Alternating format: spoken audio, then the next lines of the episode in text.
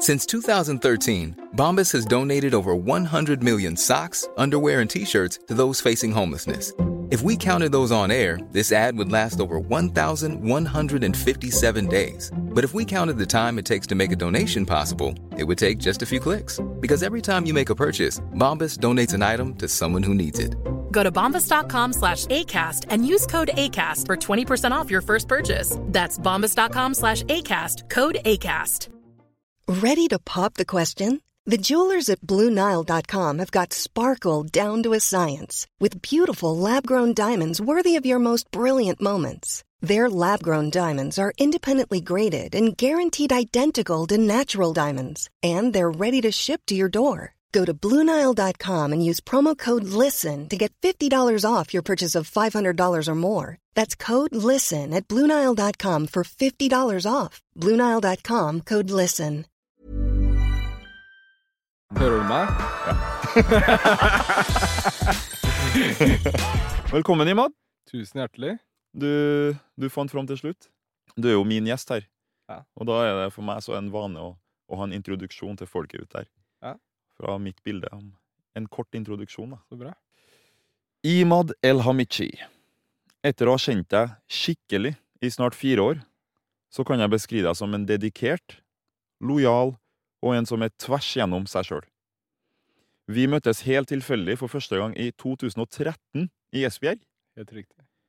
Uh, før du i januar 2020 fikk æren av å bli min agent.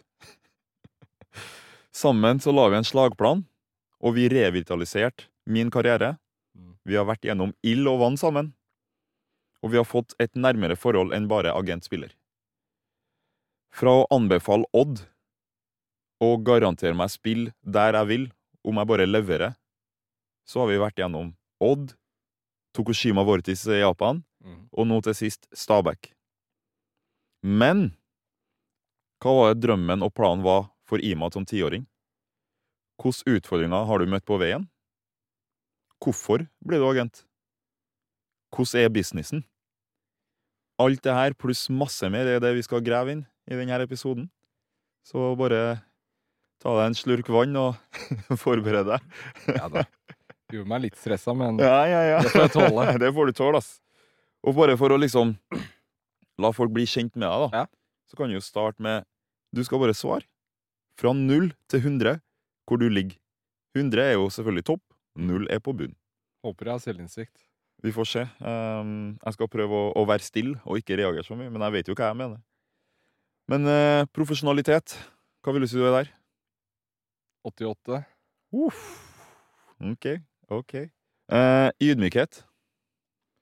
Uff. Spørs hvem jeg møter. det kan være 100, og det kan være 1. Ja. Så en eller annen plass midt imellom. Når det er svigerforeldre, så er det, så er det på 100. Ja! I starten. Ja. Ikke nå lenger. Eh, temperament. Det spørs situasjon. Men Mm. det kan være 100, og det kan være 20. Ok, Men hva snitter du på? Ah, spørs hvilken fot jeg står opp på Ja. hver eneste dag. Eh, la oss si rundt 50. 50? Ja. Det var langt under det jeg trodde. Um, PR-kåt.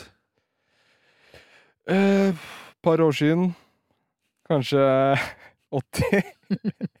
Nå 5. Ja, ok. Lære med tida.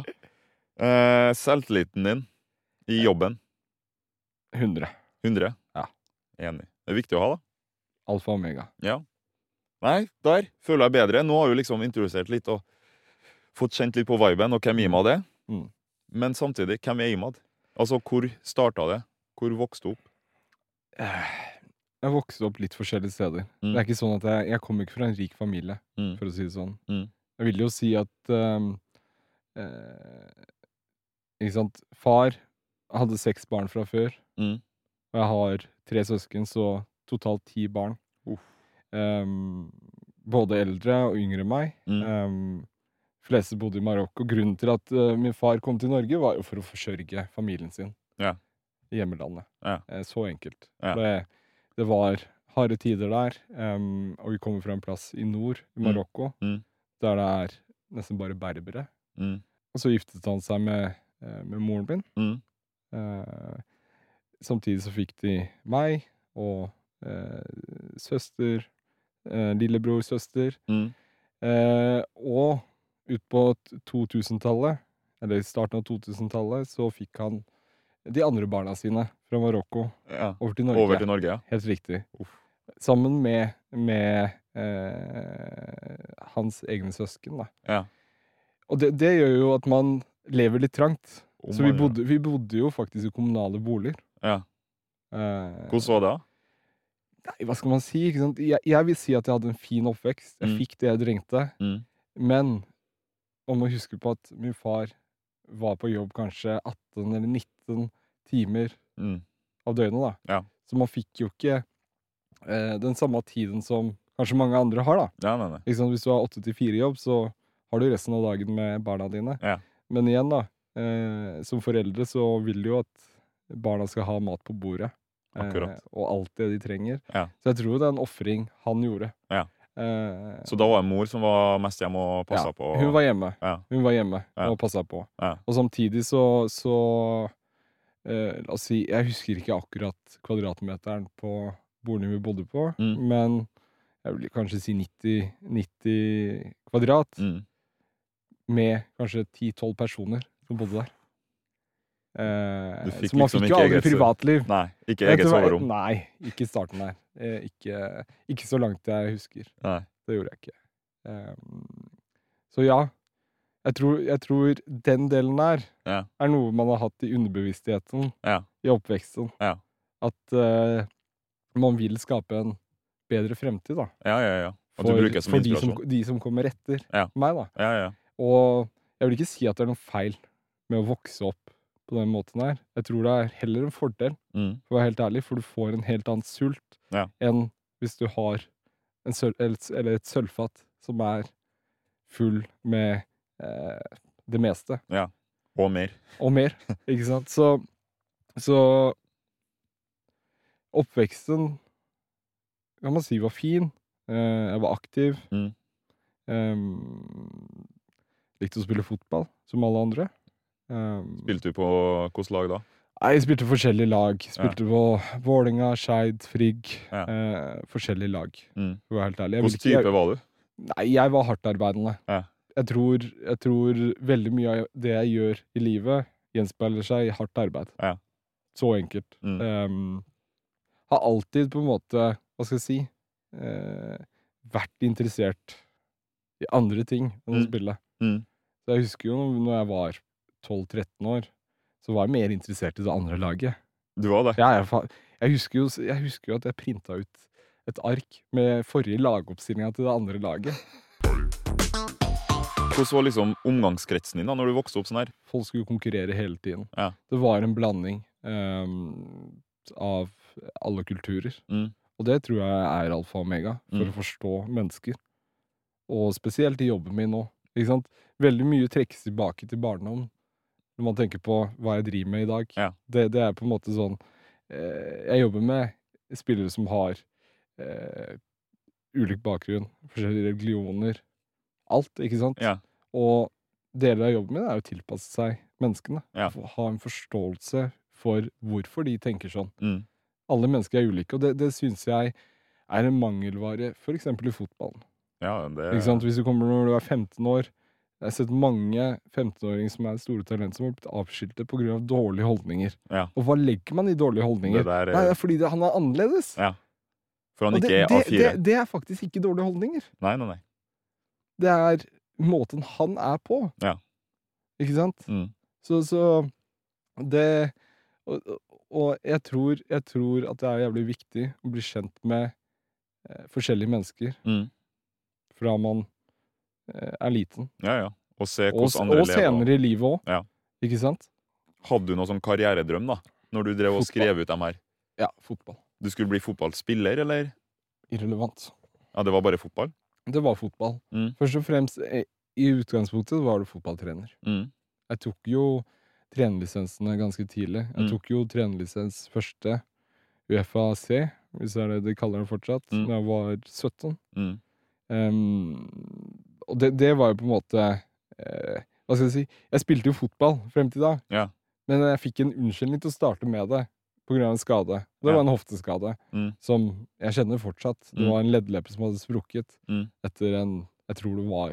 Det er en typisk fotballskade når du sparker veldig mye til ball. Ja, ja, ja. Um, men så, så, så begynte jeg på den veien der. Mm. interessere meg for det. Og det var jo på en måte målet. Å bli fotballtrener. Men kjente du på en skuffelse når du liksom måtte slutte på fotball pga. den skaden? Nei. Du kjente ikke på liksom sånn Der røyk den drømmen, eller? Nei. Nei. Da så du direkte til neste? Ja. Jeg skulle ønske jeg var fotballspiller. Ja. Jeg ser jo hvor behagelig det er for noen. Men samtidig så er det ikke for alle. Nei, nei. Ikke sant? Det fins mange veier i fotball. Ja. Eh, så, så, så det handler om å raskt omstille seg og finne nye ting å utøve det på, da. Ja, det er jo sant. Ja. Men så, du starta på den trenerlisensen. Mm. Kjente du på at ok, det her er virkelig noe jeg vil gjøre? Ja, ja. Og hvor langt tok det deg da? I det Nei eh, Langt og langt. Jeg holdt på med det der i tre-fire år. Ja. Eh, og syntes det var gøy, og fikk resultater ut av ideene mine. Mm. Ehm, så, så jeg tror jo, hvis, hvis jeg hadde fortsatt med det, Ja. så tror jeg jeg hadde blitt en god fotballtrener. Ja. Helt oppriktig. Ja. Eh, så ja. Men hvorfor, men hvorfor stoppa den drømmen? Nei, det var fordi eh, jeg sluttet i Grorud det året de rykket opp til tredje, eller til andredivisjon. Ja. Da var jeg spillerutvikler for de yngre der. Ehm, og av en tilfeldighet havna i den bransjen her. Ja. Som, sant, Det var et dansk agentselskap Ja. som heter People in Sport. Ja. Som ble drevet av en som heter Michael Stensgaard Mm. eh, og Mats Winther. Jeg så nå eh, her om dagen at Michael Stensgaard gir seg som agent. Men veldig proft og godt agentselskap som så etter Eller de så etter scouter Ja. i Norge og Sverige. Ja. Så, så det var jo på en måte eh, veien inn i 2012. Mm. Det, det, det var sommeren 2012. Kom inn i det, og det ga mersmak. Ja, det gjorde det. Hva var det du likte med det, liksom? Eh, for da var det at de sendte deg for å se og scoute. Scoute betyr jo å speide på spillere. Ja, det var, det var ikke bare scoute, men jeg var jo delaktig i møter med Mm. spillere. Mm. ehm, finne spillere, liksom prøve å signere spillere. Ja. Så, så det var jo alltid en plan å bli agent. Det var jo planen deres også. Men da var du jo ganske ung. Ja, ja. 2012, da var du Nei, Jeg husker ikke. Men, men Du var 19 år, da. Ja, typ, typ eh, rundt det. Og det, for deg så var det Det virker jo som at du alltid har vært sånn Du går videre. Ja. Hvis det er noe som skjer. Altså du, ser, du tar neste mulighet. Det er her muligheten Det er det livet handler om. Ja. Liksom, man kan ikke stå på samme plass og vente på at toget kommer, og så stikker toget av. Og... Du lever livet, du, du finner nye måter å være eh, involvert i fotballen på. Mm. Eh, først spiller, og så blir du plutselig Du går for trener, Mm. og så blir du plutselig dratt inn i scouting. Mm. Men så skjer det jo en ulykke. Og, det, og det var jo på en måte eh, samme tid som jeg ble agent òg, Mm. ikke sant? Um, hva skal jeg si? Kaller man ulike ulykke eller ikke, det er vanskelig. Jeg, jeg liker å se på det sånn her, da. Jeg liker å se på det som at jeg ikke kunne vært foruten den tiden der. Ja. Eh, for jeg brakk jo ryggen. Mm. Og det, det er på en måte en konsekvens av at jeg er glad i å pushe meg selv Ja. Til limit Ja. hele jævla tida. Hvis du ser meg på treningsstudio nå, Mm. selv om jeg har 15 skader, har vondt her og der Jeg var kiropraktor tidligere der før jeg kom hit.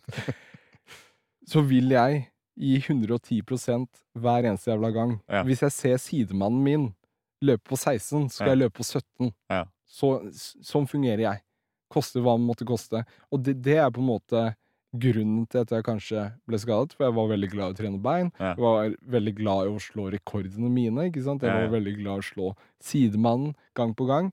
Så hva skal jeg si, måten det skjedde på var at jeg eh, kjente egentlig først jeg, jeg tror alt linkes tilbake til den hofteskallen. Ja. Ikke sant? Det ble aldri 100% bra.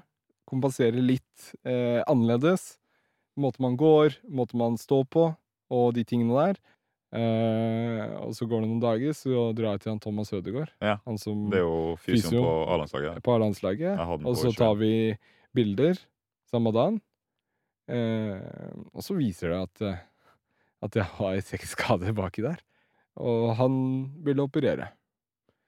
Så da Men hva, hva gikk gjennom hodet ditt da? Når du får, fordi jeg husker jo, jeg har jo vært gjennom operasjoner. Når du Ja. får den beskjeden om at du må operere, du gjør noe du elsker, Mhm. Og så skjer det noe. Jeg røyker akillesen, og så får jeg beskjed om at jeg må operere. Og det tar så og så lang tid. Jeg gikk jo bokstavelig talt rett, rett ned i kjelleren Mm. før jeg ringte mamma, som ga meg en kilevink gjennom telefonen og bare 'hei, våkne opp'. Mm. Liksom, Slutt å liksom synes synd på deg sjøl, og heller se på her og, og ta jobben. Var det samme til deg? Nei. Hva tenkte du da? Jeg tenkte at jeg skulle operere. Ja, du Jeg tenk, ikke sant, I forkant så tenkte jeg på det, men dagen før operasjon Mm. så måtte jeg sove over på Ullevål sykehus, på sykehushotellet. mm, Ikke sant, det er eh, Det er folk sant, Etter at de er født, så blir de lagt inn der i én-to dager for å ta de blodprøven. Der lå jeg i sjette-sjuende etasje. Men da, idioten meg, mm. gikk på YouTube og så på ryggoperasjoner. Da Da skjønte du. Da tenkte jeg eh, Jeg husker jeg ringte brutter'n og sa "Eh, kanskje jeg ikke vil operere allikevel. For det, det så ikke fint ut. Nei. Ikke sant? Nei. Det er ikke sånn at du bare går inn og ja, fikser det sånn. Så, ikke sant, så mye drit. Og så hadde jeg på følelsen. Ja. Jeg fikk den følelsen at nei, kanskje jeg ikke skal operere. Ja. Og jeg burde ha hørt på den følelsen, for å være helt ærlig. Men det var nødvendig å operere. Den kunne kanskje utsatt det til en annen gang. For det som skjedde, var at dagen etter når jeg skulle operere, eller etter operasjon, så våknet jeg opp. Beina fungerte ikke. Fy faen. Så det var kanskje et tegn, ikke sant? At Ja. jeg så på YouTube, ringte, sa nei, skal ikke operere. Nei, men det går fint. Bare operer. Eh, Hva går gjennom hodet ditt når du ja, da, da er det mer alvorlig. Da kan er panikk? ja, panikk og panikk, for du er ganske dopa. Ja, ja oh, morfin er, du er, er ja, du er ganske dopa. Ehm, det jeg husker, var For jeg lå i senga, de prøvde å ta på meg. Kjente ingenting. Ja. Um, prøvde å ta på meg Jeg tror det var flere ganger, ikke sant, flere ganger i løpet av flere timer. Ja. Til slutt så ja, Jeg husker én ting fra når jeg lå der. Jeg husker at jeg så noen fra familien min. Jeg tror det var lillesøster som gråter. Hun gråter av ingenting. Jeg håper ikke hun hører på potten, men hun gråter hvis jeg sier noe feil. Så Så er det- er det et eller annet som kommer ut. Eh, men én ting jeg husker jeg sa til meg selv. Ja. Skal faen ikke sitte i en rullestol. Du sa det med en gang. Ja, ja, men jeg sa det til meg selv. Mm. For jeg så jeg, og, så, og det som var også rart, også var at du så ting i sakte film i huet. Ja. Ikke sant? Fra tidligere i livet. Ja. Faen, så kanskje jeg går glipp av det. Og så sa jeg nei, jeg skal ikke, jeg skal ikke sitte i en rullestol. Eh, Det var en helt annen fase i livet, ikke sant. Og jeg så ikke for meg at jeg skulle ligge der og på institusjoner i ni måneder. ja, for det er jo det òg. Ja, det var på en måte ikke det jeg hadde planlagt. Nei. Jeg hadde planlagt ja, eh, tre-fire uker, så Ja. er jeg tilbake igjen. Ja. Ikke sant? Men I- hodet ditt, du tenkte hele veien videre på at jeg skal tilbake, og agent. Ja. Skal bli enda bedre, gjøre undersøkelsene og Det, det, det er udiskutabelt. Men har du, okay, har du noen gang hatt den planen om at du skal bli agent før du i det hele tatt ble dratt inn i det? Eller er det bare Nei, noe som bare nei. skjedde på veien? Det var ukjent, ukjent bransje for meg. Og du har, altså nå har jo du blitt en, en ganske god agent. Mm. Du, men når du starta, følte du på den selvtilliten? Gikk du inn med selvtillit, eller prøvde du å lære av dem, sånn som du nevnte? da?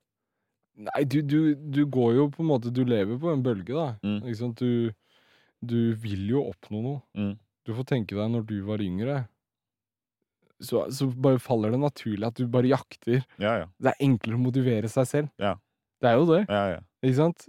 Nå så er det kanskje litt tøffere Mm. for deg. 100 Men ikke sant, hvis du hadde starta nå Ja. med det, Ja.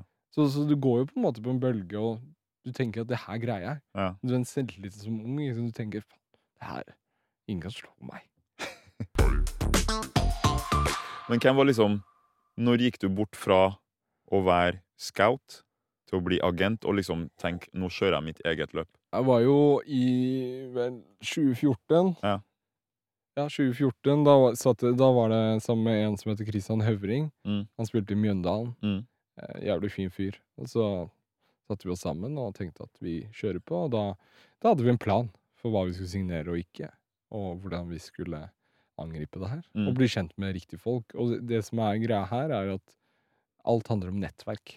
Det gjør det. Det er, Det ikke- det det, det, det, er ikke ikke sant? Det er mange som kaller seg agent, scouter og hele pakka der. Ja. Men det er ikke bare å begynne. Det er ikke Nei. bare å søke en jobb og så Hei, jeg skal, jeg, jeg skal bli agent. Det handler om å investere tid i mennesker. da. Ja. Og det nettverket, ble det bygd kjapt, eller var det noe som tok nei, ble- tid? Du, fordi du er- kommer inn som en helt ny en. Ja, og jeg tenker men- som i en garderobe, vi trenger at du overbeviser oss på feltet før vi respekterer deg. Mm, mm. Men for din del, liksom, klarer du å klarte å komme inn og ta rommet, eller kjente du på den at du måtte virkelig bevise noe hele veien? Nei, jeg var jo heldig med de danskene. ikke sant? De introduserte meg til veldig mye folk. Ja. Og det er jeg evig takknemlig for. Mm. Ikke sant? En av de menneskene som jeg ble introdusert til i 2012, jobber jeg sammen med i dag. Mm. David Moss. Han var da sjefscout i Celtic, Mm. og nå jobber han som agent i FA Sport sammen Mm. med meg. Mm. Så, så det er på en måte Jeg tror liksom når du stilte meg spørsmålet ydmykhet 100 til? Kanskje ydmykheten min var på 100 da. Ja. Ikke sant? Og så, så handler det om å ha et åpent syn Mm. og forstå mennesker, forstå behovene deres. Ja. Men hvordan Én ting er jo OK, du, må, du er agent, liksom, men du må ha spillere. Så hvordan er du Hvordan fungerer business? Hvordan, tar du, hvordan når du ut til spillere, eller føler du at det er spillere som kommer til deg? Eh, I starten så var det mer at man måtte jobbe dobbelt så hardt Ja. uh, for, å få, for å få de spillerne man ønsket. Ja. Eh, og så, så går man kanskje på en litt annen hylle også i starten. Ja, du Man, må man, starte på man, man må starte på en, eh, en annen hylle. Det er ikke sånn at du bare kan komme inn som ny fisk og eh, gå etter de største fiskene. mm, Det går ikke. mm, Så, du, så du, du har en, på en måte en ydmyk start. I starten her så signerte jeg en del andredivisjonsspillere. Fikk dem opp en divisjon eller to. Og det var jo på en måte oppskriften. Og sammen med U-landslagsspillere. Fokuserte på ulike deler av landet. Ja. Der skal jeg ha. Ikke sant? Men hvordan gjør du den jobben? da? Hvordan scouter du? Hvordan Nei. vet du at han her kan jeg satse på?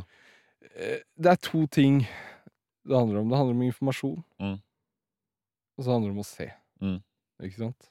Ha oversikt. Ja, For der får du jo bruk for det du har hatt med både fotballbakgrunn og scoutingbakgrunn. Mm. Mm. For du har jo lyktes med ekstremt mange spillere som du har fått opp fra andredivisjon og opp og opp og Mm. opp, som har nådd langt, da. Mm. Og blitt landslagsspillere. Mm. Og der handler det om å, å se potensialet. Ja. Ikke sant? Greie å spotte potensialet. Ja. Greie å spotte det noen andre ikke kan se. da. Mm. Og det, det er på en måte veldig mye Eller nøkkelen til, til det hele. Ja. Det var jo ikke, ikke sant, når, når vi satte oss ned, så var det ikke veldig mange som ville ta i deg i 2020. Nei. Ikke sant? Med to akillesskader.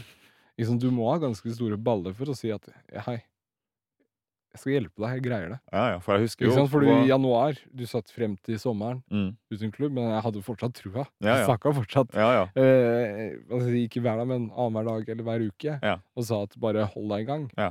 Og så fant vi den riktige muligheten. Så det handler jo om at eh, eh, Hva skal jeg si Du ser potensial, du vet hva personen er god for, og du Mm. ser mennesket også. Mye handler om mennesket òg. Ja vil du Kunne du ha sett på et talent og tenkt der er bra talent, men han er dårlig menneske? Ja. Hadde du da ville hatt den spilleren? Kanskje før i tida, men ikke nå. Nei. For det tar så veldig mye energi. Ja, for det er jo det som er, oppstår, fordi du er jo en veldig sånn lojal agent. Du, det er mitt inntrykk, da. Eh, du står på for spillerne, Mm. du, du stiller opp på absolutt alt hele veien. Mm.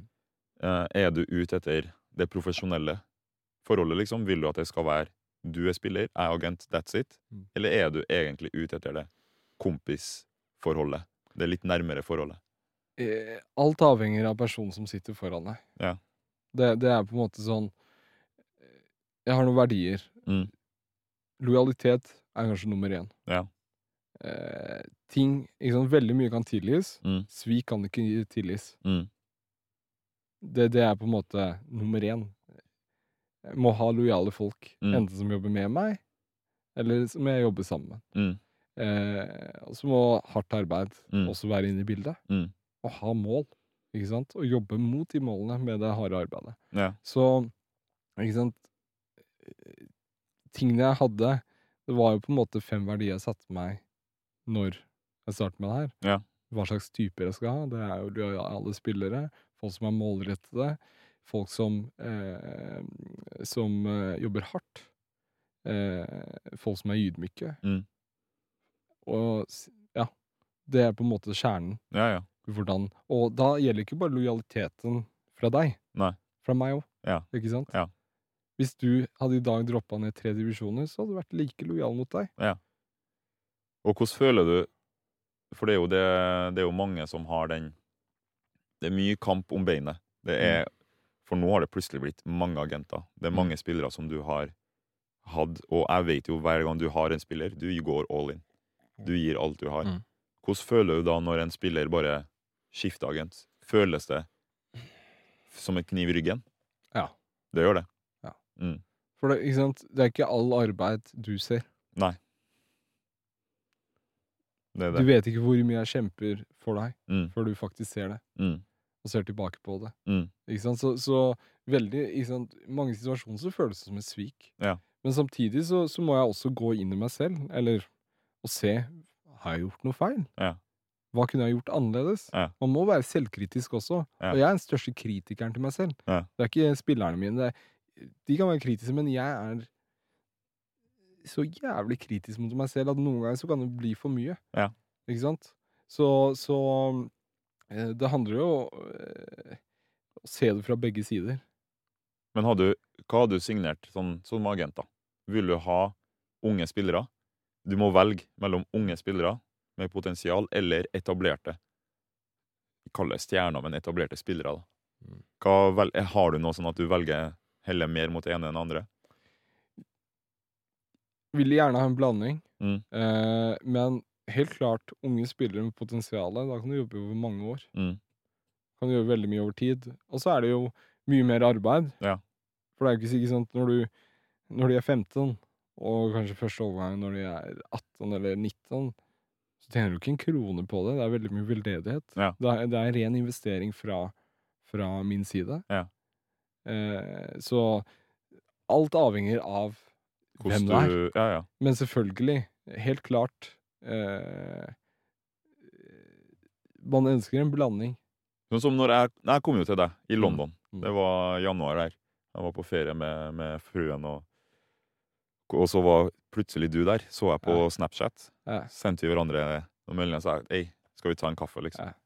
Eh, da snakka vi bare og tenkte at det her er jo spennende. Og så viser hun meg det kontoret, og, og så tenker jeg det her er en fyr som, som jeg vil ha. ass. Mm. Det her er en som jeg, jeg føler kan Men tenkte du da med en gang vi møttes, at du vil ha meg, eller var du sånn ah, Jeg skulle ønske Mors kom til meg for når han var 18-19 år og lovende.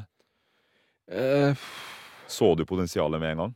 Nei, Vær ærlig her nå. Ja, ja, jeg er 100% ærlig. Jeg tror jo Jeg tror jo første som eh, tenkte at Eller første som tenkte at jeg kan jobbe med deg, det Mm. var jo deg som person. Mm. Ikke deg som fotballspiller. Mm, Så man skal være såpass ærlig. mm, Fordi sant, du har vært skada over lange perioder. mm. Så, så det var jo på en måte sånn Det var en gamble.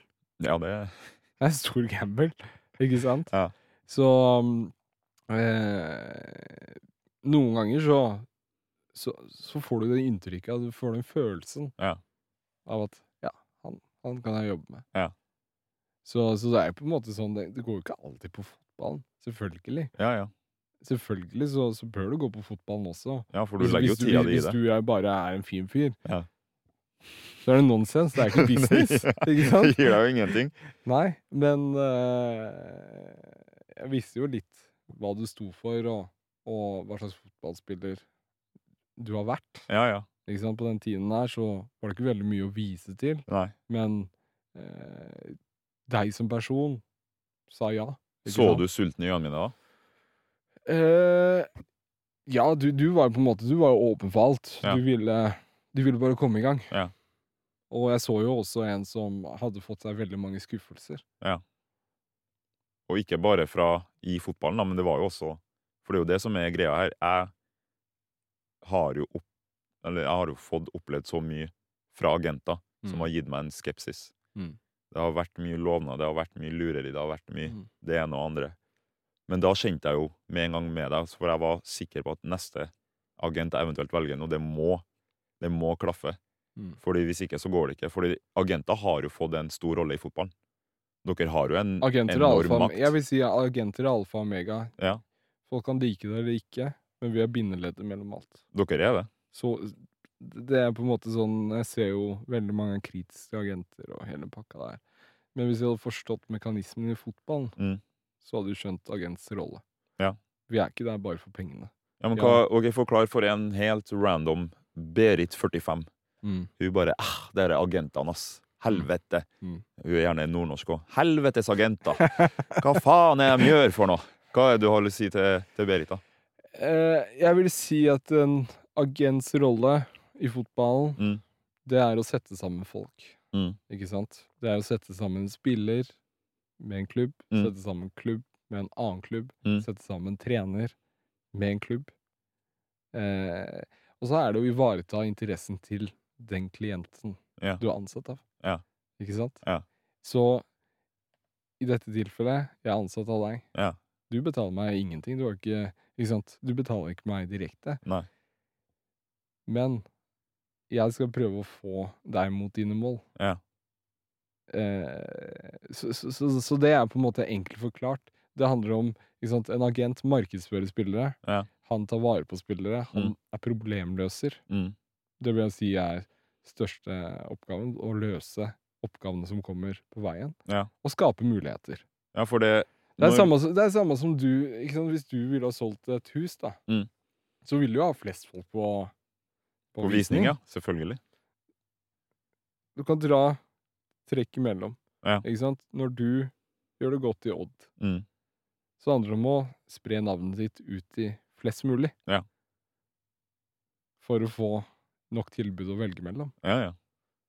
For det som er veldig spennende med vår historie, det var jo at vi ble enige. Mm. Vi shaka hands når jeg signerte for Odd Ja. der. Ok, vi skal være i Odd. Jeg skal gjøre alt jeg kan. Ja, du, du hadde, jeg, som jeg sa til deg, motivasjon. Bruk den uh, luselønna di Ja. her nå som motivasjon. Så skal vi Og det, det jeg husker spesielt, var at du pekte deg ut i Japan. Ja, ja. Jeg sa Og jeg Japan husker tidligere. jo ikke sant, eh, sommeren. Mm. Du var jo on fire den Mm. sesongen her. Så kom det jo klubber fra Saudi Mm. som kom med høyere tilbud. Mye høyere tilbud. Og jeg husker Tore Andersen prøvde å presse oss til Saudi, Ja. hvis du husker det? ja, ja, for der var det penger for Odd å hente. Ja, det var mye mer eh, overgangssum. Så eh, Men så, så kom jo perfekte muligheten Ja. å dra til Japan. Ja. Og jeg tror Japan har beriket deg. Og, Uff, helt vilt. Mye mer enn det Saudi hadde gjort. Men jeg skal ærlig innrømme, ringer dem i dag fra all et eller annet. Mm. Imad, vi, vi må høre. Ja. Den eh, overgangen, da, for, bare for å forklare det, da. Mm. Jeg sier til deg, Imad, jeg vil gjerne til Japan. Det høres veldig Mm. spennende ut. Japan er et vanskelig marked å komme inn på for europeiske spillere. Mm. Uansett. Mm. Um, jeg gjør mitt beste og leverer på banen. Mm. Men hva er Hvor lang tid har du jobba for den overgangen? Det var lang tid, Mm. vil jeg si. Det er ikke sånn at det skjer på dagen. Nei, det er jo det folk tror. Nei, det er ikke sånn at når overgangsvinduet åpner, så kommer klubbene. Mm. Det er ikke sånn at bare klubber kommer fra intet, og så Han skal vi ha. Mm. Det handler om å, å jobbe alt fra seks måneder til ett år til to år Ja. med de ulike klubbene for å få dem til å by. Mm. Ikke sant? Eh, for klubbene er jo ikke Det er ikke sånn at du kan bare sende en videokassett eller noe fra YouTube, og så Klubbene er moderne. ikke sant? De har scouter, Mm. de har video eh, som de følger på, de har data.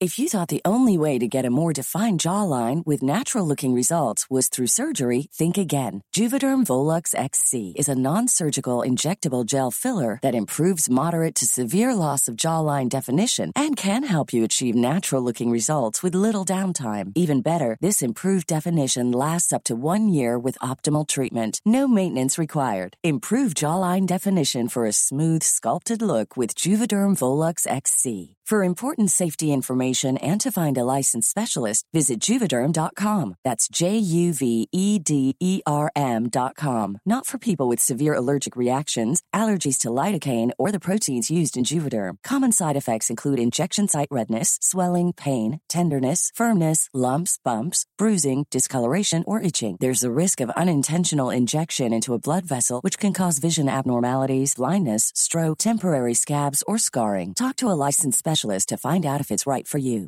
This Mother's Day, celebrate the extraordinary women in your life with a heartfelt gift from Blue Nile. Whether it's for your mom, a mother figure, or yourself as a mom, find that perfect piece to express your love and appreciation. Explore Blue Nile's exquisite pearls and mesmerizing gemstones that she's sure to love. Enjoy fast shipping options like guaranteed free shipping and returns. Make this Mother's Day unforgettable with a piece from Blue Nile. Right now, get up to 50% off at BlueNile.com. That's BlueNile.com. Ikke minst data har tatt mer og mer over fotball. Ja. Eh, Forbanna data. Det er det som har uh, fucka meg over. ass, hæ? Ah, he got three Achilles injuries. No, no, no way. Ja, så, så, så, så jobben med å selge en fotballspiller starter lang tid før et overgangsvindu. Ja. Eh, og da, da handler det om å, å finne riktige muligheter ut ifra det, det man har blitt enige om, da. Mm. Eh, og det kan være at eh, Mors har plan om Rent hypotetisk, du har lyst til å dra til Premier League Mm. en eller annen dag. Mm. Ja, Men hva- bør mellomstegene være for å komme til Premier League? Ja. Det er ikke sikkert du kan dra rett fra Norge til Premier League. Nei. Kanskje du må dra til Tyskland, kanskje du må dra til Belgia, ikke sant? Ja. For der har du kanskje større sjanse. Mm. Kvalitetene på ligaen er bedre for å dra dit. Så alt handler om å ha en plan. Mm. Og så treffe på riktig. At man ikke bare velger en klubb for å velge en klubb. Mm. Ikke sant? Hvis målet ditt er å eh, dra til Spania, så nytter det ikke å dra til eh, India Nei. for å spille for penga i tre måneder, og så dra Nei. Da må, du, da må du kanskje ofre de pengene der Mm. senere. Ja. Da må du kanskje velge en liga som ligner, og statistisk sett man henter ifra, da. Ja. Ikke sant? Så, Ja. så det, det finnes mange eh, veier til målet, da. Men er det du som legger planen til spillerne, eller er det spillerne som kommer til deg med Nei, planen? vi gjør det i samråd. Ja. Vi gjør det i samråd. Og hvordan er du La oss si nå du har lyst på en ung spiller. Mm. Han er veldig ung. Han er Mm. 15 år. Mm. Stortalent fra, la oss si, Tromsø. Mm. Da, hvordan er du Og han er faktisk ettertrakta. Mm. Hvordan får du han til å signere for deg? Eh, hva skal jeg si? Jeg har nok selvtillit til å si at hvis jeg kommer i møte med spilleren, Mm. så Og foreldrene. Ja, for det er jo det. For det, det er på en måte viktigst. Da, da føler jeg at jeg kan overbevise dem. Ja. Så man må jo gå inn med den selvtilliten der Mm. og tenke at han kan jeg få. Mm. Hvis man tenker nei, eh, Erik og Morten og, eller Mors Mm. er også der, Mm. da har man tapt. Ja. Hvorfor skal jeg tenke på alle andre? Ja. Jeg bruker ikke kalori på å tenke på alle andre. Mm. Jeg må tenke at jeg er unik. Jeg må Ja. tenke at jeg har mine kvaliteter. Jeg har noe som de ikke kan tilby. Ja. Ok, det kan sikkert være 100 000 agenter som er bedre enn meg, Mm. men de er ikke meg. Nei. Ikke sant? Men føler du på da La oss si de velger deg, da. Mm. Kjenner du på det presset at Fordi det er ofte jeg snakker med spillere, og vi Mm. spillere, vi føler jo at livene våre er i deres hender. Skjønner du hva jeg mener? At måten vår framtid blir, Mm. er i dine hender. Mm. Føler du på det presset? Jeg respekterer det presset. Ja. Det er som jeg sier, jeg respekterer jobben min mer enn noe annet. Ja. På grunn av at jeg har ansvar for veldig mange karrierer. Mm. Og gjør man noe feiltrinn, begynner man å tenke kynisk og tenke på seg selv, så kan det gå galt. Ja, fordi det er jo Eh. tilfeller hvor eh, en klubb eh, La oss si det er tre klubber som kontakter om en spiller. Men den ene klubben sier Imad, her får du 20 millioner, mens en klubb sier Imad, her får du 2 millioner. Mm. Jobber du egentlig hardere da for den 20-millionersklubben? Eller lar du da spilleren sjøl få velge ut ifra hva dere prater om? Eh, avgjørelsen er jo spilleren. Mm. Slutten av dagen, uansett. Men pusher du ekstra på? For det har jeg opplevd at jeg ble jo pusha til Mm. en klubb. Mm. Men det var jo kun på grunn av at summen eh, agentene fikk, liksom. Mm. Eh, men så var det egentlig andre klubber som hadde gitt dem mindre, men som hadde egentlig da en bedre plan for meg. Skjønner du hva jeg mener? Ja, jeg skjønner hva du mener, men Ja. da vil jeg stille et spørsmål. Ble du pusha til Japan, eller prøvde jeg å pushe deg til Saudi? jeg dro til Japan, for å si det sånn. Ja. Ja, Hva, hvor tror du jeg kunne tjent mest penger? Saudi uten tvil.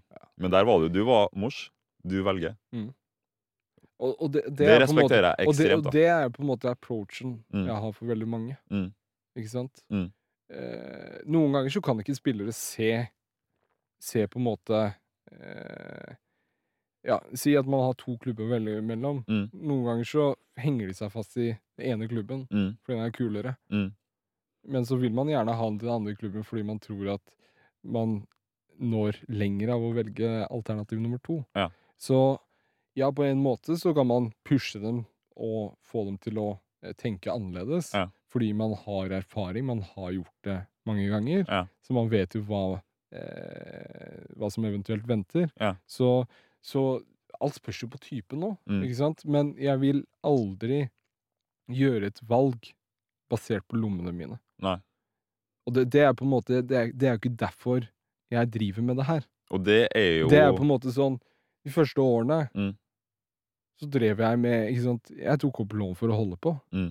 Ikke sant? Mm. Jeg gikk i minus for å holde på. Mm. Hvis motivasjonen min hadde vært penger hele veien, tror du jeg holdt på, holdt på lenge? Nei. Fordi du må pinne deg ikke sant? Hver enkel business som starter, hver enkel uh, Uansett hva du gjør i livet, Ja. du starter på minus. Ja. Ikke sant? Ja. Så, så det handler om å ha den interessen, ha den lidenskapen. Hvis du har den lidenskapen, så velger du alltid lidenskapen fremfor pengene. Og pengene vil komme på veien. Mm. Ikke sant? Og apropos pengene, da. Mm. Dæven, en agent kan tjene jævlig mye penger. På, noen, på de største årgangene i verden. Du ser jo summene som Og du Mm. så Eliteserien nå, Mm. eh, i fjor, med agentpenger. Mm. Bodø-Glimt som, eh, som servert. Mange hater jo på det der. Mm. Føler du at det er for sent, de pengene? Ja. 110% og mer. Mm. 110 Mm. Hvis folk bare hadde sett hva vi gjør. Mm. Det er ikke sånn at hvis uh, en spiller presterer, at det automatisk kommer klubber og så kjøpe spilleren. Det er Mm. ikke sånn det fungerer. Mm. En av agentens rolle er å presse opp prisen Ja. for at klubben skal sitte igjen med mer. Ja. Så, så jeg mener jo at det er for sent. Det er det. Ja. Og hva er liksom Hva vil du si er det normale for de ekstra nysgjerrige? Bare si sånn cirka. Eliteserie, vanlig overgang. Hva er normal agenthonorar der? Alt avhenger på klubb, for å si det sånn. Det er noen som er glad i agenter, og så er det andre som ikke er det. Ikke sant? Veldig mange 10 Mm. Alt spørs. Av lønna eller av summen? Alt spørs hvem du representerer. Ja. Men du, Du kan kan, man tjene over én million i Eliteserien? På en overgang? Det kan, du det kan være fullt mulig. Ja. Fem millioner i Eliteserien? Eh, da må det være en spesiell spiller, men det tror jeg ikke. Det er mer salg ut hvis Ja. man representerer klubben. Ja. Men som agent, hvis du gjør én overgang, og du får la oss si 50 millioner for en overgang Mm. For en spiller som drar fra et sted til et annet, som du har fulgt veien Ja. Føl, Du føler at det, det er verdt det, det er sent, liksom. Spilleren får kanskje en lønn på 40, men agenten får 50 for overgangen. Mm. Er det noe som du føler er innafor, eller føler at spilleren alltid fortjener mer? Det er balanse der. Jeg mener at det er fortjent for begge parter. Fordi Ja. hvis du tenker at en spiller som tjener 40 millioner i året, da, Mm. så har han femårskontrakt. Mm. Blir jo veldig mange millioner. Det, det Og så har blir sant, noen ag- agenten Agenten lever jo av å, av å uh, gjøre deals. Ja. Så betyr det at han i praksis sitter og ikke tjener noe på fem år. Ja. Mm. Så, så både ja og nei, men når du nevner 50 millioner, så er det jo ekstreme tilfeller. Ja. Det er jo ikke sånn at det er dagligdags, sånn at Nei, du ikke gir et bilde på at det, det er det man får på overgang. Det, det er jo ikke nærheten. Nei, nei, nei. Det er jo ikke nærheten, men, men eh, så må man også tenke at eh, det er ikke sånn at man får alle penga med en gang. Nei. Det er jo som ofte fordelt på kontraktsår. Ja, ja. Det er jo sant, det. Men hva er du liksom Med så mye penger i omløp Mm. Jeg hadde fighta. Jeg hadde slått han til høyre og venstre som prøver å ta min, min vare. Mm. Skjønner du? Mm. Opplever du mye av det i agentbransjen? At det er klinsj mellom agenter? Eller at agenter prøver å stjele spillere? Ja, det er mange jeg ikke liker. Ja, det er Mange det. som jeg ikke ønsker godt, Ja. for å være helt ærlig. Ja. Så, så Sånn er det i alle bransjer. Mm. Ikke sant? Sånn er det i alle bransjer der eh, det er penger. Ja. Folk vil fighte, Mm. men jeg tror jo ikke vi har sett noen ekstreme tilfeller i Norge. Nei, Hvis det er verre i utlandet. Hvis vi bare tar Sverige, Ja. der brenner folk bilene til hverandre, for eksempel. Så, så, så jeg tror jo på en måte sånn eh, Vi har ikke kommet der. Det har skjedd meg med bil, eller ja, bil hjemme hos meg for to-tre år siden. Nei. Ikke brent, men tagga ned og tatt eh, hjulene på alle. Og det er ikke en historie som jeg har fortalt eh, tidligere. Oh. Eh, og jeg bor jo ganske rolig i området. Du ja, du, det er rolig. familieområdet. Ganske rolig. Ja. Og det, det er på en måte sånn Det er selvfølgelig sånn opplevelse som man tenker at ah, ja, det er, ikke, det er jo ikke hyggelig. Nei. Det er jo ikke hyggelig i det hele tatt, men, men eh, det er noen som sikkert er sjalue. Men var det før eller etter du fikk satt opp det kameraet? Nei, det var kamera. Det var Det var kamera, kamera. Men, men det var gjort av profesjonelle. Og det, jeg har en aning på hvem det kan være.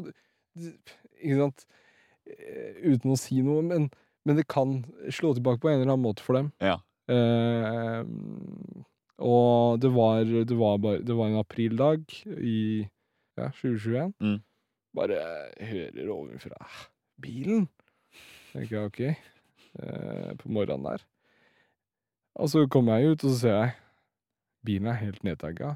Eh, alle hjulene på bilen var punkterte. Ja. Um, og så går jeg inn på kameraene mine. Ikke noe klipp fra en periode. Hæ? Så noen må ha på en måte eh, Hva er det det heter? Disabled, sier vi på Ja, engelsk. eller ja. Fikk Fikla med Nei, brukt et eller annet Ja. for, å, for å få det. Og da ringer jeg politiet, og så kommer de bort, og så sier de 'hei, merkelig. Er det, har du noe mot noen? Jeg sa nei. Jeg har jo ingenting. Mm. Det kan være noen som man har irritert uh, Irritert. Ja. Um, eller noe sånt. Men uh, så begynte jeg å spørre naboene, for det var kameraer rundt om der. Så fikk jeg sett på kameraet. Det var en, en uh, som hadde kamuflasje på seg. Var, du kunne ikke se ansiktet. Og når du ser de bildene, Ja. da er det skremmende. Det Da er begynner, da, begynner, da begynner du å tenke. Ja. Eh, så, så ja, det er alltid noen som prøver seg, Mm. men jeg står imot. Ja, det gjør det. Ja, Ja, det er sykt, altså. ja, altså men, men det, er, det er på en måte sånn eh, Når du har folk som ikke skjønner at det her er en business og tar ting personlig, Ja. da, da er det gale. føler du For som agent, du har masse reisedøgn i året. Mm. Du har eh, Du reiser, som du sier, det er ikke sånn at en overgang skjer på dagen. En overgang som skjer sommeren 2021 for én spiller, kan ha allerede ha starta 2019. Mm. Så nå har du fått et barn, da. Mm. Og hva føler du nå, før og etter? Merker du en forskjell? Merker du det savnet? Koster det deg litt mer nå å dra og gjøre jobben? Nei Ja, du merker savnet, Mm. men ikke sant Det her er en livsstil. Det er det du må huske på, mors. Ja, det jeg ser ikke på det her som jobb. Uh, for meg så er det livsstil. Det er uh, Det er en del av livet mitt. Ja. Det er på en måte sånn Jeg velger jo folk jeg vil jobbe med, Mm. og ikke. Mm. Og det, det gjør jo ting mye enklere. Ja. Ikke sant? Hvis du hadde vært en tørr fyr Ja. Så er det ikke Ja. Så er det vanskelig. Ikke sant? Da er er det på en måte sånn Åh, skal jeg reise til han? Ja. Men du må jo det òg. Ja. Så selvfølgelig så føler du på savnet. Du prøver å komprimere reisene.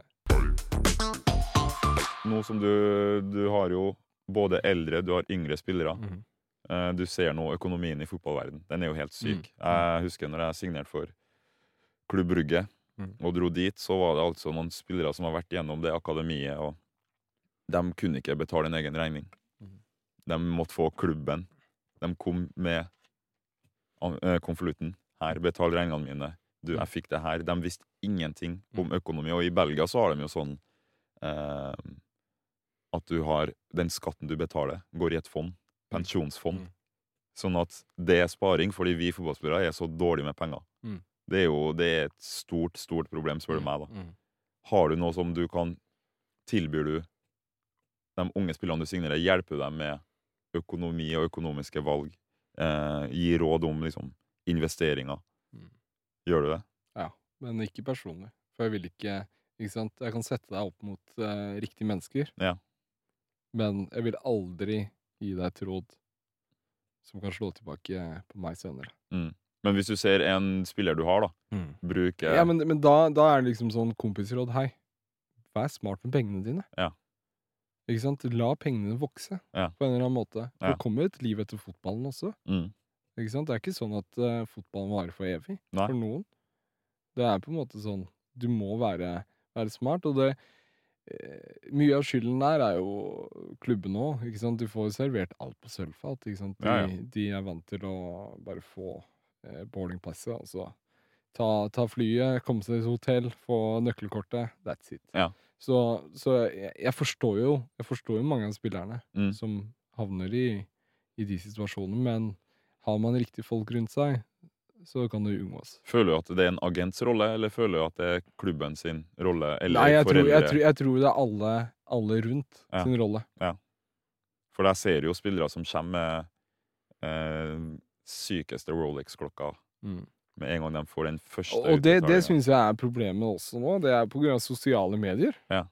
Det har blitt sånn blitt en konkurranse Ja. om å ha de kuleste klærne, om å ha den kuleste klokka, om å ha den kuleste Det fins mer i livet enn det, Mm. for å være helt ærlig. Mm. Det bør ikke være prioriteringen din når du er 15, 16, 17, 18. Nei. Da bør fokuset ditt være på utvikling. Ja. Bli bedre. Ja.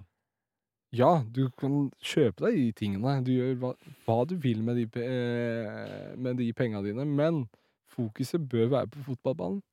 Men det er jo også mange som snakker om det med å markedsføre seg sjøl. Altså fotballen du du er ikke lenger bare en fotballspiller, du er et Mm. brand. Eh, føler du at det er ekstremt viktig for oss spillere å markedsføre oss sjøl riktig? Eller Ja, føler du at det er viktigere å fokusere på fotballen? Du må ha en balanse der. Ja. Så lenge det ikke går utover fotball, Mm. så er det fint. Mm. Men samtidig, sant, det med markedsføring og alt det greiene der, det er jo ikke for alle. Absolutt ikke. Ikke sant? Du må være en viss profil. Ja. Du må være typ, si Norge, Haaland, Ja. Ødegaard. Ja.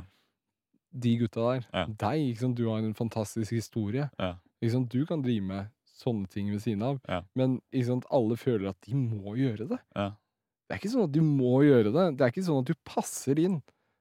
Det er ikke sånn at hvis du har tre millioner følgere, men spiller Eliteserien, så gjør det sjansen din større for å Nei, nei, nei. nei. Brands er, er smartere enn det. Ja, det er det. De, de vil på en måte ha, ha et stort publikum. Hvis Ja. publikummet ditt kun er lokalt, så Mm. vil kanskje mer, eh, eller flere lokale bedrifter eller eh, brands Mm. satse på deg Ja. enn de som er globalt. Ja.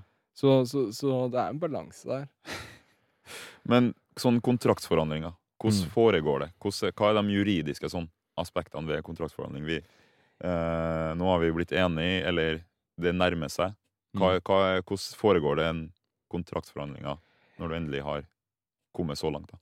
Nei, ikke sant. Eh, si at noen er interessert i deg, da. Mm. Så starter jo ganske tidlig om forventninger i Mm. forhold til lønn. Mm. Hva forventer dere i lønn? Hva forventer dere Den telefonen har jeg fått fra deg mange ganger. Hva, hva tror, tror du klubben skal ha? Ja, Ikke sant? ja. Det er på en måte sånn. Eh, og så endrer det seg med tiden også, ikke sant? Mm. Fra den samtalen der med ene klubben, så har det kanskje vært to andre klubber som er interessert deg. Mm. Så du kan få pusha dem litt imot hverandre. Mm. Så jeg vil si forhandlinger er forskjellig fra plass til plass. Ja. Ikke sant? I Norge så er det veldig rett fram. Kontrakten i Norge er ikke Det er eh, Hva skal jeg si 11 eller 18 sider Ja. totalt. Ja. That's it. Står det en lønn, sign-on, eventuelt bonuser Ja. på vedlegg. Ja. Eh, og så er det mer komplisert i utlandet. eh, Uff, den du har- japanske kontrakten der. for eksempel, ikke sant. Altså, og der, der er det litt sånn eh, innganger, utganger, Ja. em, eh, ulike ting Ja. som man må respektere. Eh, på slutten av dagen så bruker jeg alt utenfor Norge bruker jeg advokater på. ja, du gjør det. Som kan jussen i det landet. Mm. Det er på en måte sånn, Jeg bruker veldig mye penger på advokater. Mm. Si for eksempel nå med han Ibrahim Akone som gikk eh, fra Frankrike til Spania. Da brukte jeg to forskjellige advokater. En som kan fransk lov, en som kan spansk. Ja, Ikke sant? ja. Så, så du bruker mange forskjellige advokater som du har tilknyttet deg over tid. Eh, og forhandlinger, eh, for eksempel i det tilfellet, det er, vi holdt på i over to måneder, men interessen var jo fra i fjor sommer. Ja. Han holdt på å bli solgt dit i fjor sommer, så har man på en måte eh, på en måte jobbet med det i over et år, før, Mm. det, før det faktisk eh, gikk på plass. Og så Ja. var jeg der fysisk nede i Almeria flere ganger, fysisk i, i Lorient. Prøve å presse dem, ikke sant. Så det var jo det var en tøff Akkurat de to siste månedene var veldig tøffe mentalt. For det, du har en klubbpresident på den ene siden som er eh, Hva skal jeg si? Eh, Han er, han er businessmann. Han er businessmann, så han, han skal ha det han skal ha. Ja. Og så har du en annen, sportssjefen i, i Almeria, Mm. som er eh, sta jævel òg. Ja. Ikke sant? Så de to krasjer sammen, så man må Og du må være drive- den imellom Ja, så som man driver med mye brannslukning, og driver Ja. med ikke sant? prøve å overtale begge. Ja, for det er jo det som agenter også må gjøre. Du har at klubben blir interessert i spilleren til Ja. slutt og vil, men så må du jo faktisk Det er jo to klubber som må bli Ja, enige. og det er to klubber med forskjellige forventninger, ikke Ja. sant? Si at uh, vi selger den her. Vi vil Ikke sant, jeg eier den her. Ja. Og jeg forventer åtte millioner for den her. Ja. Men du er villig til å betale seks millioner. Ja. Da blir du liksom stående der. Så må man finne mellomting. Og så må man prøve å løse det på best mulig måte. Og så kan jeg komme med ideer på hvordan vi skal løse det. Kanskje vi eh, tar eh, seks millioner pluss bonus her, eller videresalg. Ja. Ikke sant? Det er mange forskjellige måter å gjøre det på, da. Eh, så forhandling vil jeg si er et Hvis vi sitter og snakker om det, så er det et eh, langt tema, for det er ulikt fra kultur til kultur. Ja. Eh, til eh, Hvor er den sykeste kulturen å drive forhandlinger med? Hvordan Jeg ser for meg Tyrkia. Jeg vet ikke hvorfor, men jeg ser for meg det. Ja, det der blir du lurt uansett. ja, så, så enkelt. Det er, liksom, det, har gjort mange overganger til Tyrkia, og der tenker man hver gang faen, jeg skal aldri gjøre overgang. Men igjen, da, så, så tiltrekker spillet der av penger, Ja. liksom gode lønninger, fin liga. Mm. Men Hvis man får me- me- pengene. mentaliteten du, du, får, du får pengene til slutt uansett. Ja. Det, er man, kan si, man kan si at hvis man får pengene, men det som har vært problemet til, til Tyrkia, er jo liren. Liren Mm. er på 30 nå. For to år siden så var den på 10 Mm. mot euroen. Mm. Så det, det er jo dyre for dem, så de venter jo nesten bare til når lyren faller litt ned, sånn at de sparer kronene inn. Men med tyrkere så er det sånn at eh, de tenker ikke på neste deal. Nei. De tenker 'hvordan skal vi fucke de her?' Ja. For å få best mulig dyr, så glem resten. Ja. Det er sånn det er mentaliteten her. Og så er det jo nesten flere Det er jo flere agenter enn enn spillere der. Er jo på en måte Barber er agent der borte. Ja, men det er jo det. Jeg får jo Innboksen min er jo Jeg vil si 50% vanlige folk, 50% tyrkiske agenter som har en deal til meg i Galatasaray, Fenerbahçe, Adanaspor, og så er det bare piss, da. Ja. Altså, du, du Men får et bilde. mange er historiefortellere. Mange agenter er historiefortellere, som jeg liker å kalle dem. Ja. Det er på en måte det er, det er en meningsløs historie som aldri ender bra. Det er eventyr. Men hva er favorittdelen din da, av liksom hele prosessen? Hva er det du liker best ved å gjøre Fighten. når du er fighting? Ja? Selv om du går inn på meg og jeg blir forbanna. Liksom, det er den der berg-og-dal-banen. Ja. Glede, skuffelse, glede, skuffelse, sur, forbanna. Eh, så, så det er en fight, og så er det på en måte sånn, som jeg pleier å si um, jeg, får, jeg får suksessen min via spillerne mine. Mm. Jeg lever gjennom dere. Ja. Det er det som gjør meg glad. Det er det som gjør meg happy, at jeg kan hjelpe folk Ja. fra trange kår, eller fra gode kår. ikke sant? Mm. Alle har sin historie. Ja. Eh, det er jo det beste med det. Det er at man ser at man har, betydning for den personen Ja, ja. på en eller annen måte. Nei, jeg elska jo den overgangen min fra Odd til Tokushima. Den fighten. Det, det var der jeg virkelig, virkelig så Imad. Han kjempa for meg, liksom. Du, du, du tok de telefonene, og du Mm. sa ting som Som spiller det er jo mye du ikke tør å si. Skjønner du? For du er jo redd for at ah, men han her er jo sportssjefen, jeg ser han hver dag, og du føler det er rart. Men det er måten du tok den fighten på, da. At Mm. du, var ikke, du var ikke redd for å holde igjen. Når jeg har gitt mitt ord til spillere, Mm. så skal jeg fullføre det. Mm. Jeg driter i hvem jeg tråkker på. For å være helt ærlig. uh, og med, med respekt, ikke sant. Ja, ja. Selvfølgelig så handler det om å respektere motparten, men på slutten av dagen så må jeg gjøre en jobb for den jeg jobber for. Og hvilket råd er jo forhåpentligvis har vi noen aspirerende fotballspillere, eh, noen unge gutter som fortsatt ikke har en agent eller ikke har gjort noen business. Hva vil du si er det viktigste en spiller skal tenke på når man velger klubb, når du er la oss si 19-20 år? da? Tenk på endemålet ditt. Ja. Tenk på hva som ganger deg Ja. frem i tid. Ikke på lommeboka nå, men på hva som ganger deg frem i tid. Mm. På hvor du vil gå. Altså, velg med omhu Ja. hvem du jobber med. Det Ja, det er gode Velg ord. med omhu hvem du jobber med, for det, det er alfa og omega.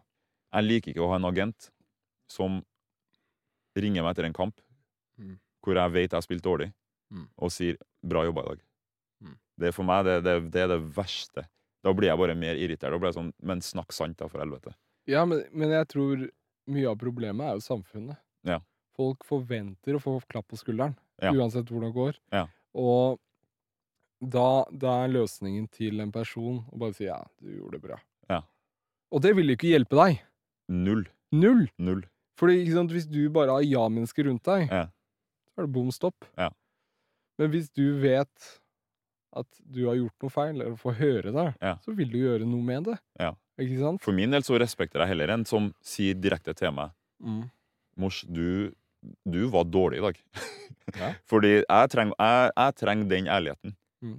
Og det har jo, du har jo ringt meg flere ganger bare Mors i dag. I dag så leverte du ikke. Nei. I dag så var du dårlig. Og det, jeg setter jo pris på det. Mm. Fordi hadde du ringt meg og bare Du har jo sikkert fått mange spillere som ringer deg og sier Imad, treneren kjefta på meg i dag. Eller Ja. Jeg spiller ikke på grunn av han og han. Det er alltid alle andre enn spilleren sjøl. Mm.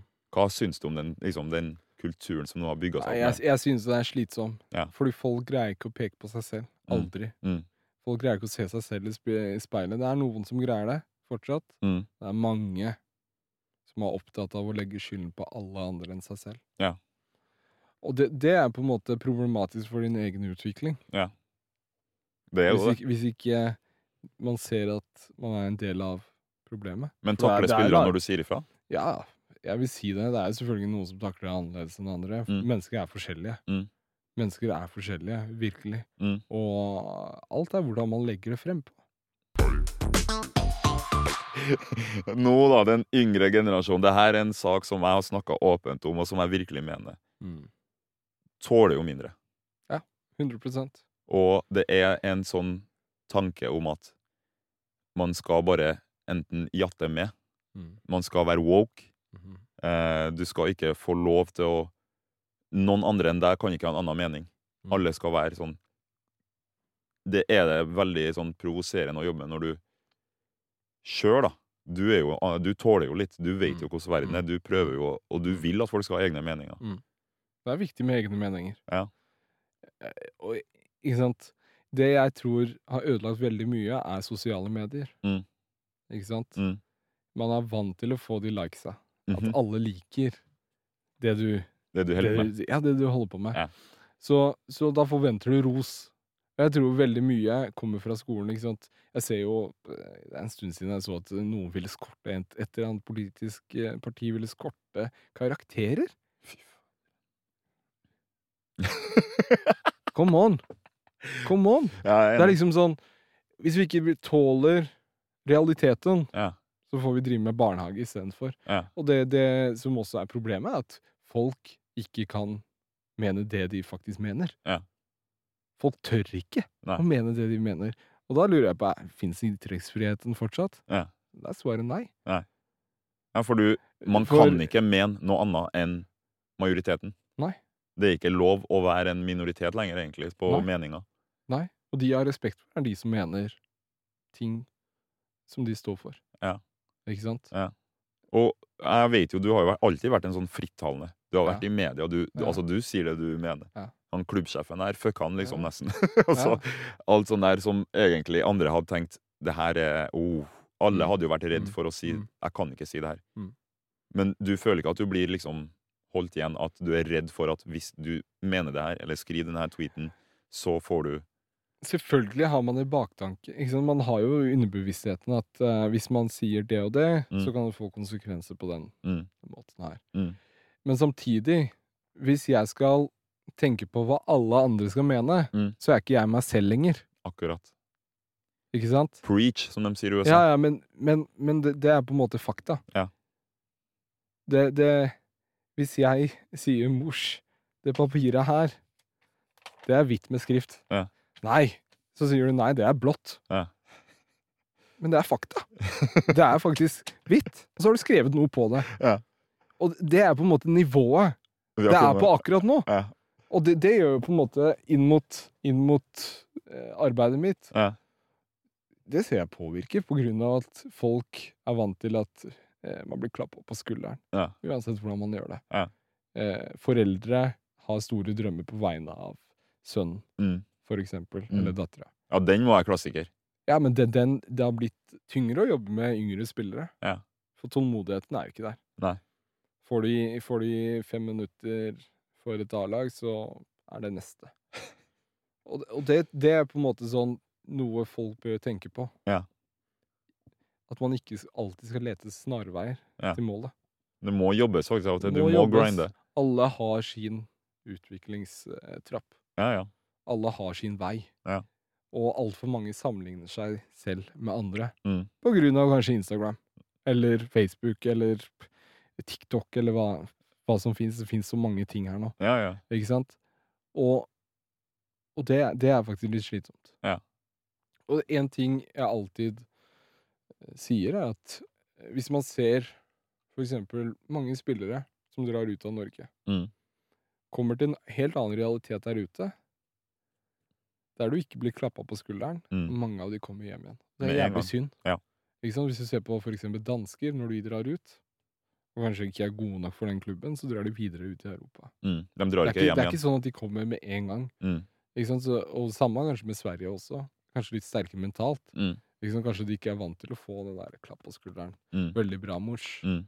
Men en balanse, ikke sant? At Ja. bra og, og um, Jeg vil ikke si kritikk, men tilbakemelding, feedback, Ja. som er litt hardere enn bare positivt. Ja.